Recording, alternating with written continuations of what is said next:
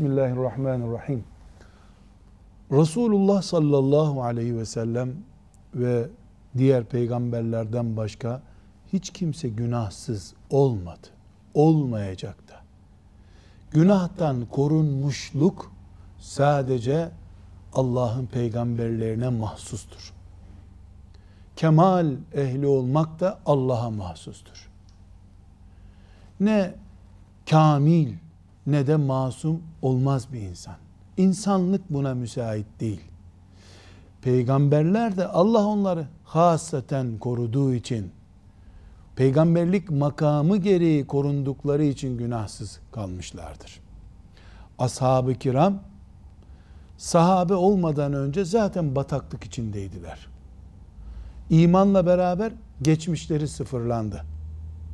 Sonra Resulullah sallallahu aleyhi ve sellemin dostları oldular.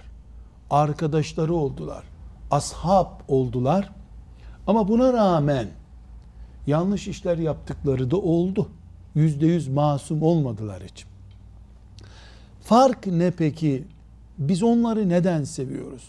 Neden üstün tutuyoruz, yüceltiyoruz?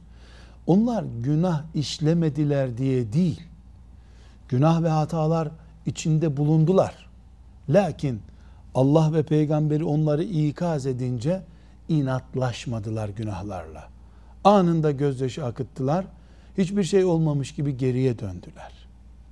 Resulullah sallallahu aleyhi ve sellem niye böyle yapıyorsunuz deyince ama biz haklıyız demediler.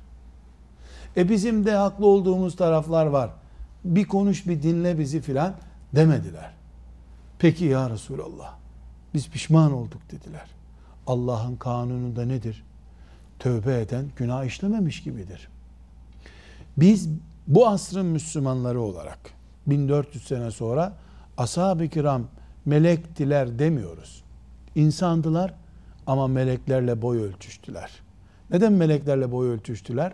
E, günahlarını turşu gibi bir kenarda bekletmediler. Günah olduğunu anlayınca geri geldiler. Tıpkı cahiliyeden imana koştukları gibi günahlardan da tövbeye koştular. Bir. iki. Evet, ashab-ı kiram da günah işlediler. Hatalar yaptılar. Yanlış işler içinde bulundular. Kaba sözler konuştukları oldu. Hepsi olmamakla beraber böyle yaptılar.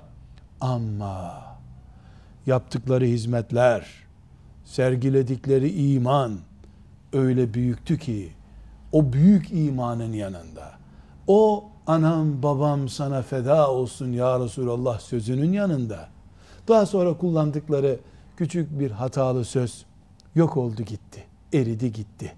Onlar Resulullah'a aşklarını aleyhissalatü vesselam öyle ispat ettiler ki daha sonra yolculuk esnasında yaptıkları bir hatayı Allah görmezden geldi. Görmezden geldiğini de ayetlerle ispat ettirdi, belgelendirdi. Bütün müminler için kıyamete kadar. Kur'an Allah'ın onların büyük bir bölümünü affettiğine dair ayetlerle doludur.